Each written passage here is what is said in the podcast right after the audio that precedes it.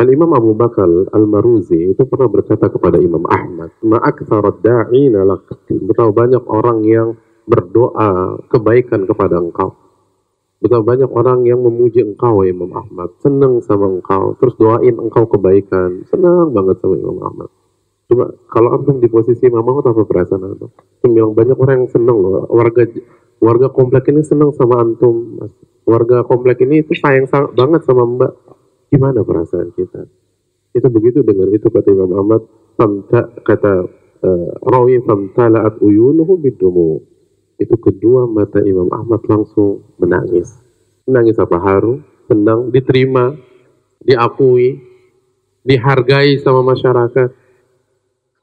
Simak ucapan beliau. Akhafu an yakuna hadha istidraja. Aku khawatir ini adalah istidraj dari Allah Subhanahu wa. Ini azab tapi diulur. Ini azab tapi dalam casing pujian, sanjungan, penerimaan. As'alullah an yaj'alana khairan mimma yadhunnun wa yaghfir lana ma la ya'lamun.